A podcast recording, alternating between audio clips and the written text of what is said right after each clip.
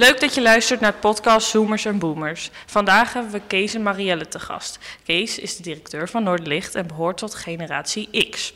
Marielle is creatief ondernemer en behoort tot de pragmatische generatie. We hebben het vandaag over de afstand, in, afstand verbonden blijven. Naar aanleiding van het werk van Naël Kouarissi.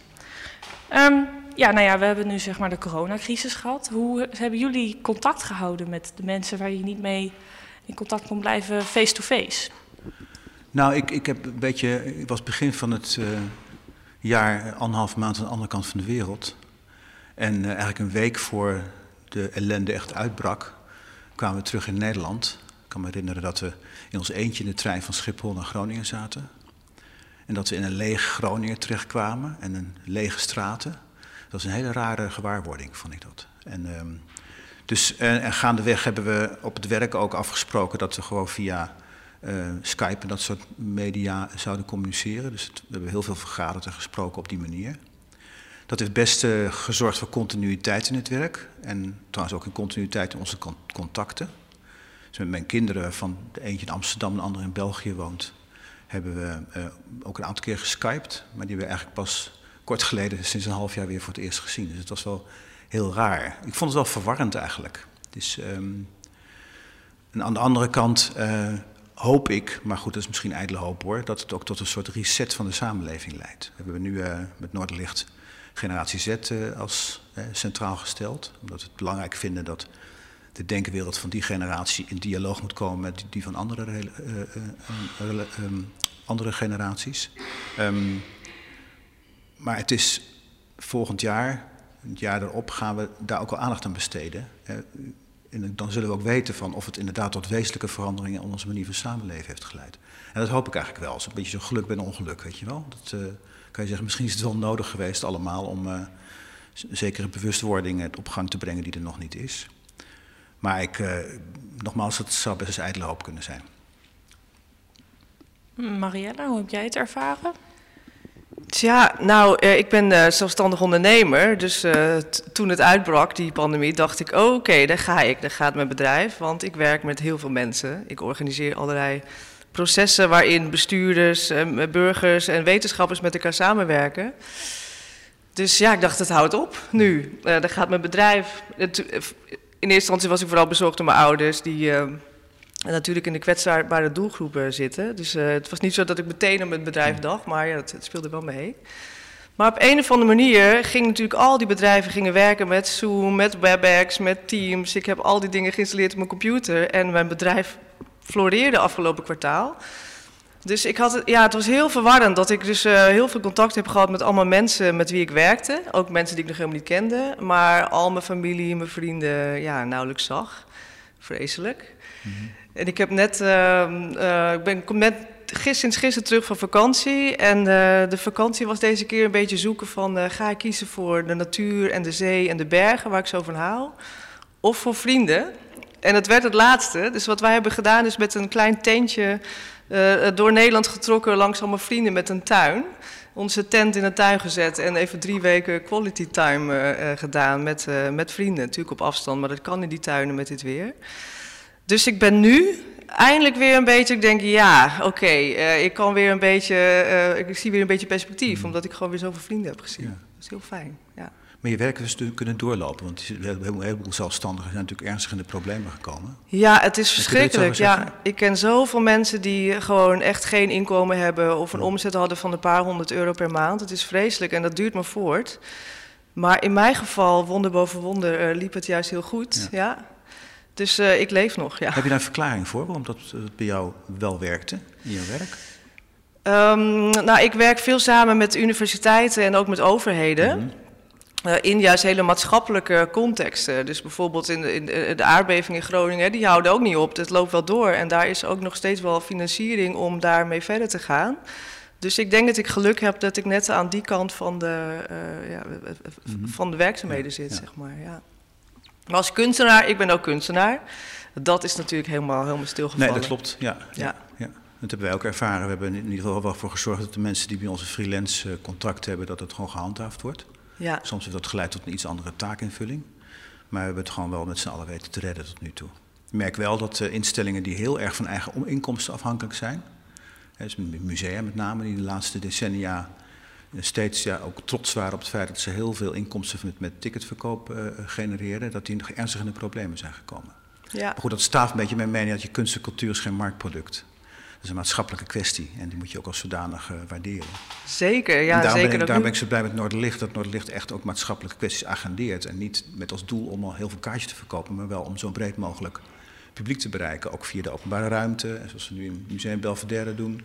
Een groot gedeelte van het, van het werk, ehm, de student call bijvoorbeeld, van studenten wereldwijd, ook buiten te zien, zodat mensen dan niet per se een ticket hoeven te kopen. Maar goed, daar krijg je geen inkomsten van natuurlijk. Nee, nee, Als je daar nee. heel erg afhankelijk bent, is dat een probleem. het is ook juist nu belangrijk om naar kunst te kijken en ook kunst te gebruiken om in gesprek te blijven over hoe het nu dan wel verder moet. Wat, wat jij zegt is denk ik heel erg waar. Dat, Maar hoe zie jij dat? Zal dit leiden tot een reset van de samenleving? Nou ja, ik, ik, mijn werk is zorgen voor resets van allerlei samenlevingen. En ik, ik denk al jaren, nu is het een keer zover. Of nu, nu is het toch wel eens zo duidelijk hoe urgent het is dat we moeten veranderen. Ja. Ehm, maar nee, ja, ik, ik weet niet. Ik, ik, ik, ik aarzel de hele tijd tussen een soort wanhoop en desillusie van... nou nee, het wordt hem niet meer. En, en activisme van nou nee, laten Ja, we er toch ja. maar weer voor Mhm, gaan. ja. Volgens mij is dat trouwens heel typerend voor mijn generatie. Dat eh, heel veel mensen van mijn leeftijd hebben dat een beetje. Dat je aan de ene kant denkt, nou ik, ik geloof er niet meer in. En aan de andere kant juist heel activisme, heel veel activisme voelt. Wat ook weer leidt tot een soort stilstand, hè? Want waar kies je voor? Dus... ehm, Ja, precies. Ja. maar nee, ja, ik weet het echt niet. Ik, eh, als ik nu alweer zie hoeveel. Ik, ik, ik, ik logeerde ook in Amsterdam eh, in een tentje in een tuin. En ehm, het aantal vliegtuigen dat eh, per dag over Amsterdam vloog, dat, per dag zag ik het gewoon weer groeien. Ja, ja. En dat was heel confronterend, moet ik zeggen. Dus ik, ik, weet het, ik weet het echt niet. Nee. Het is gek, hè? het is natuurlijk het is een hele haast biologische behoefte dat je mensen wil zien. Het is natuurlijk echt anders, dat merken we in het werken ook. Of je bij elkaar zit en elkaar in de ogen kan kijken en misschien ook wel een soort, door ons nog niet wetenschappelijk ontdekte manier van contact hebt, ehm, dan dat je dat via het beeldscherm doet.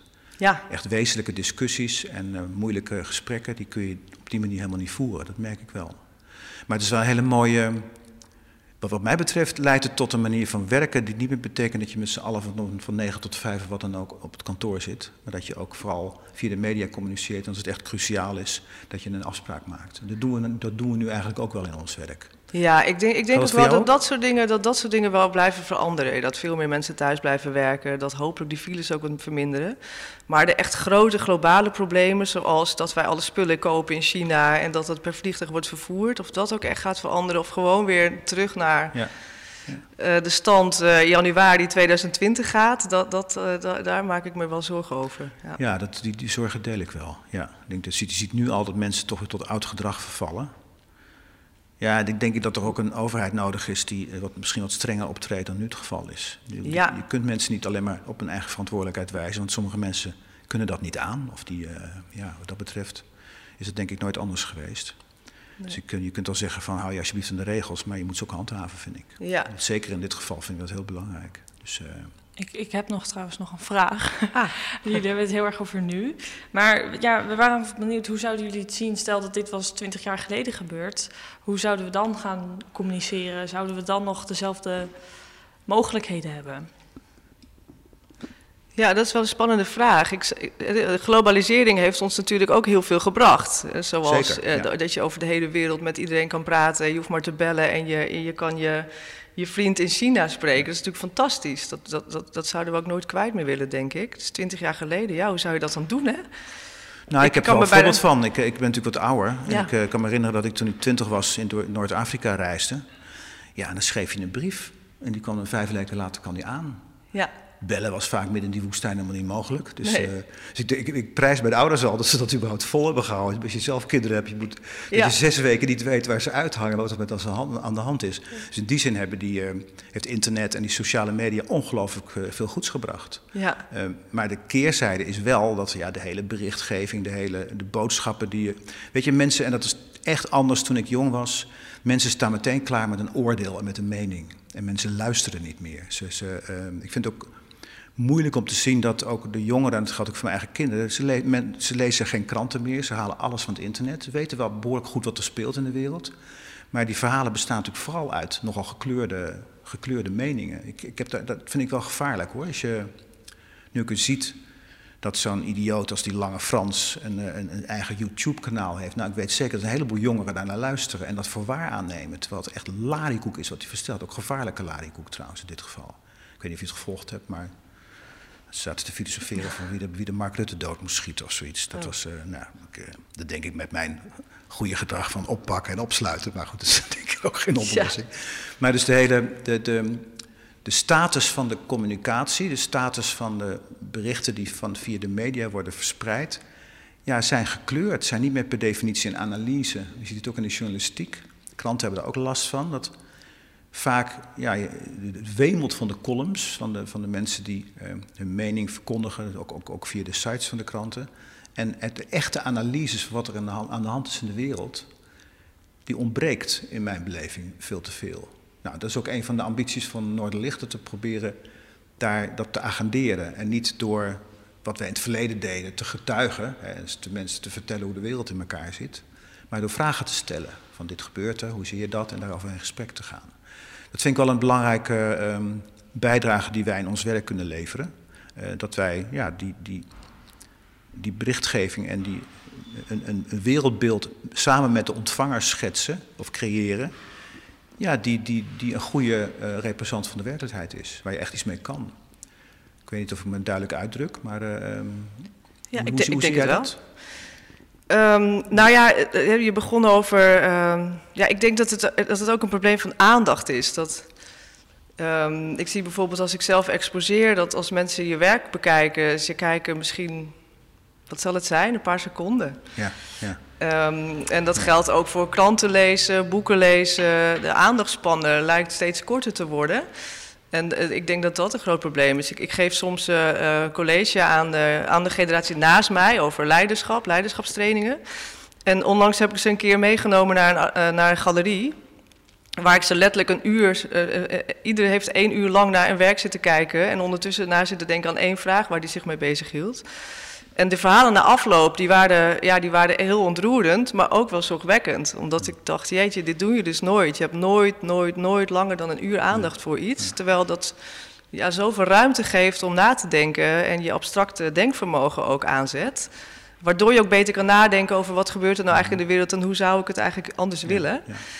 Um, dus ja, en ik zelf maak ik juist een hele imaginaire werkelijkheid. Dus ik probeer juist helemaal niet de wereld uh, uh, te bespreken of vast te leggen, maar juist even een andere wereld te creëren om juist eventjes die afstand uh, te kunnen nemen van wat er gebeurt. Omdat ik ook daarin geloof dat dat soms nodig is om wat abstractie te, ja, om iets te abstraheren, zodat je weer wat beter kan kijken naar wat er eigenlijk gebeurt. Ja, ja die begrijp ik wel. Ja, dat herken ik ook wel. Dat, dat, je dat, dat doen we met onze tentoonstellingen ook. Soms zijn tentoonstellingen heel artistiek geïnterpreteerde beelden, haast, haast beeldende kunst zou je ja. kunnen zeggen. Is ook beeldende kunst natuurlijk. Hoewel documentaire fotografie ook heel goed, heel goed beeldende kunst kan zijn. Maar Zeker. dan is die verbeelding van de, van de kunstenaar prikkelt inderdaad de eigen, eigen denkwereld. En, um, ja, want er bestaat natuurlijk niet één werkelijkheid, hè? Dat is, het, dat is het grote probleem. Ja, dat is het. Iedereen heeft recht op zijn kijk op de werkelijkheid, Ja, of zijn of ja, haar kijk op ja, de werkelijkheid. exact. Ja, en of die nu nu is of gisteren of morgen, Ja, ja, ja. Het, is, uh, het is ook allemaal zo veranderlijk. Ja. Maar misschien is ook wel sprake van wat de communisten in de tijd historisch materialisme noemden. Hè? Het herschrijven van de geschiedenis op een manier die jou bevalt. Daar heb Ja. ik persoonlijk natuurlijk ook wel eens last van. Maar ik heb wel het gevoel dat de aandachtspannen van mensen echt behoorlijk omlaag gegaan is de afgelopen decennia. Maar ik weet niet of ik dat echt kan staven. Misschien is het ook mijn kijk op de werkelijkheid. Kijk, mensen, als je, ik denk percentage wat mensen wat echt boeken leest, wat lange artikelen aan kan, is, ik weet niet of dat nou zo gedaald is, eerlijk gezegd. Dat weet ik ook niet. Ik denk nee. niet dat het waar is. Nee. Ik denk, ehm, maar ho- hoe zie jij de waarde van de beeldcommunicatie in deze hele kwestie? Om mensen, nou, zeg maar, vragen te stellen over hun, de wereld om hen heen en dingen aan de orde te stellen en hun vragen daarop te reageren? Eh, Nou, ik, ik weet niet zo goed of ik daar echt heel uitgebreide mening over heb. Wat ik wel weet is dat, dat, het voor veel mensen, in ieder geval voor mezelf, vaak moeilijk is om als, je, als iets overkomt of je bent aan het aanpassen aan de werkelijkheid, is het niet altijd meteen makkelijk om daar woorden voor te vinden. Dus voor, voor mij is beeld echt het verlengstuk van, van mijn taal, zeg maar. Mhm, Dus op een gegeven moment waar woorden ophouden, eh, begint vaak beeld. Voor anderen is dat misschien anders, maar dat geldt voor mij. Dus voor mij is beeld ja, heel belangrijk om juist daar waar ik nog geen grip op heb, of wat ik nog niet begrijp, of waar ik onzeker over ben, om, da om, dat, om dat juist met beeld dan op een of andere manier te vangen. Ja. Ja, maar ik dat, of, of beeldcommunicatie verder iets kan betekenen in maatschappelijke ontwikkeling en zo, dat, dat weet ik eigenlijk niet zo heel goed. Maar voor mij geldt in ieder geval dat. Ja. Ja, we hebben het wel eens uh, intern over. Je hebt natuurlijk heel lang het begrip uh, begrijpend leren lezen. Maar Ja. dat, daar hoort ook eigenlijk begrijpend leren, Leren kijken, kijken, bij. Hè? ja. En ehm, wat zie je nou eigenlijk?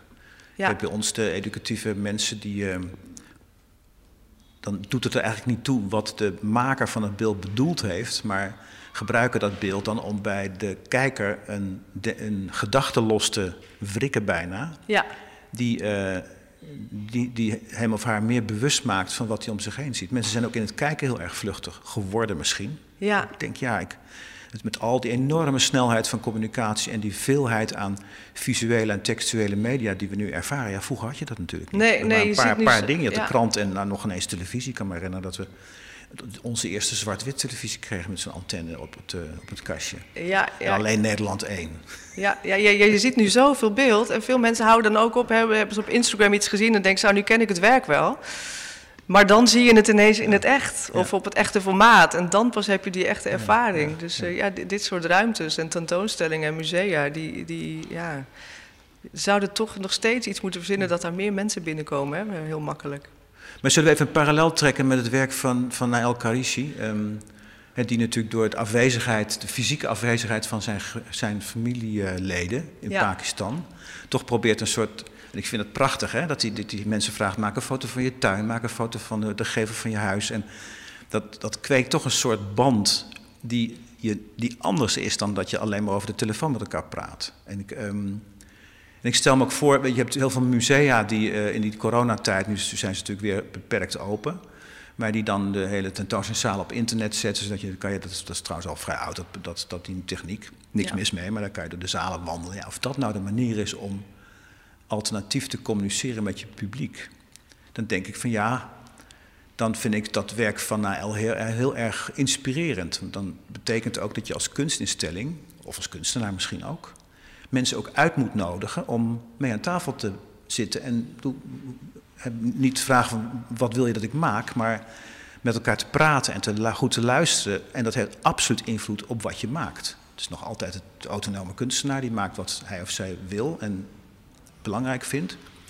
Maar dan kan die publieke dialoog, en dat is misschien ook wel een voordeel van, van deze tijd, die, die kan een wezenlijk belangrijkere plek krijgen dan, dan zeg maar, in traditionele vormen van, van communicatie met kunst en met, met fotografie.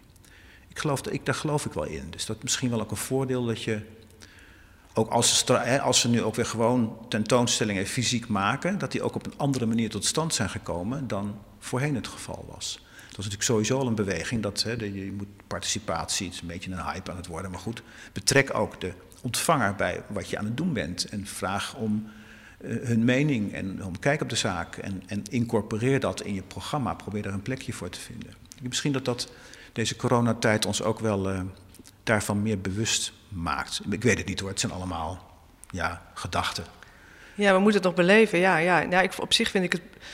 Zeg, de afgelopen jaren met subsidieaanvragen of zo, hè, moesten kunstenaars toch steeds meer ook toeschrijven naar is het eh, maatschappelijk relevant of heb je, heb je maatschappelijke vraagstukken betrokken? En ik, ik ben zelf niet zo van die stroming. Tenminste, ik geloof dat, dat je als kunstenaar sowieso, je, je bent onderdeel van de maatschappij. Ja, dus wat je ook maakt, je neemt dat mee in wat je doet. Dus da- dat je, eh, dat je meer bezig bent met hoe kan je meer mensen betrekken, dat vind ik, dat, dat, daar sta ik heel erg achter. Maar, maar mensen, kunstenaars dwingen om in een bepaalde stramine of in een bepaald echt een context te kiezen om, om een hè, maatschappelijk vraagstuk zo ter discussie te stellen, daar ben ik wat minder van. Ik, kunstenaarschap is het enige echt vrije beroep en wat mij betreft mag dat helemaal zo, zo Nou, blijven. ben ik ben ik helemaal met je eens. Ik, vind het, ik vind het ook, kijk, het, is, het, het, zou eigenlijk zo moeten zijn dat eh, de van oorsprong al maatschappelijke ehm, relevantie van ons werk, maar of je nou een directeur van een kunststelling bent of zelf kunstenaar bent of docent bent, dat maakt dan denk ik niet zoveel uit. Dat het gewoon meer gewaardeerd wordt dan vroeger. Exact, ja. En, niet, en nu krijg je haast eh, eh, kwantitatieve criteria. Ik weet niet of we nou van het onderwerp afdrijven, dames, maar ik. eh, eh, maar ik vind het wel, toch wel belangrijk om even te zeggen. Maar kwantitatieve criteria die echt zo ver gaan dat je moet aangeven hoeveel welk percentage van jouw eh, eh, personeel over vier jaar ehm, divers is. Dus van een andere oorsprong, andere, divers in allerlei opzichten. Je kan, je kan alleen maar voortgang zien. Je kan alleen maar eh, de, de ambitie van een instelling kan je waarderen. En vervolgens ook, en daar mag je best op afgerekend worden, vind ik, terugzien in het programma wat een instelling of een kunstenaar heeft gerealiseerd. Dat vind ik een, eigenlijk een hele andere manier van hoe het nu gebeurt. Ja, Ik denk ook dat mensen die die normen stellen, de praktijk helemaal niet kennen. Dat heeft ook met communicatie te maken. Wij worden beoordeeld, of wij krijgen onze subsidie. Ik vind subsidie al een heel verkeerd woord, alsof wij noodlijdend zijn. Ik bedoel, ik zie meer, het is een investering. Het is geen subsidie, het is een investering in, in ons werk, wat, wat, wat, wat over het algemeen belangrijk is. Ehm, maar dat je. eh, ehm, dat mensen, eh, dat heeft wel met contact te maken. Veel van die beoordelaars hebben de instelling helemaal niet gezien. Die zijn er nooit geweest. En dat begrijp ik Ja, ook wel. Je kan dat is ook afstand, ja. Dus die, dat is ook een soort afstand die, eh, ehm, ja, die, die niet gezond is. Dus zou, misschien zou een cultuurambtenaar gewoon één keer in het jaar een paar weken moeten stage lopen bij een, bij een instelling. Want in de, in de zorg trouwens heel erg veel gebeurt. Hè? zeker. Professionals die gewoon een tijdje mee gaan lopen met. Ik weet van mijn, mijn, partner, die eh, ehm, was eh, docent communicatie bij de, bij, hier bij de hogeschool. En die liep ook stage in ziekenhuizen en in, waar, waar, waar, ze, waar ze les over gaf, hoe je met je patiënten communiceert. Dus dat eh, ehm, Ja, zou ik echt wel een goede, goede zet vinden eigenlijk. ja. Ik, eh, sorry. ik wil je helemaal niet afkappen, want ik vind het een heel mooi gesprek. Maar we zijn helaas door de tijd heen. Nu al? Ja, nu al. dus ik wil jullie heel erg bedanken voor dit gesprek. Oké. En eh, ja, Dit bedankt. is een soort uit- een soort uit, We hebben geen, geen afronding. Nou ja.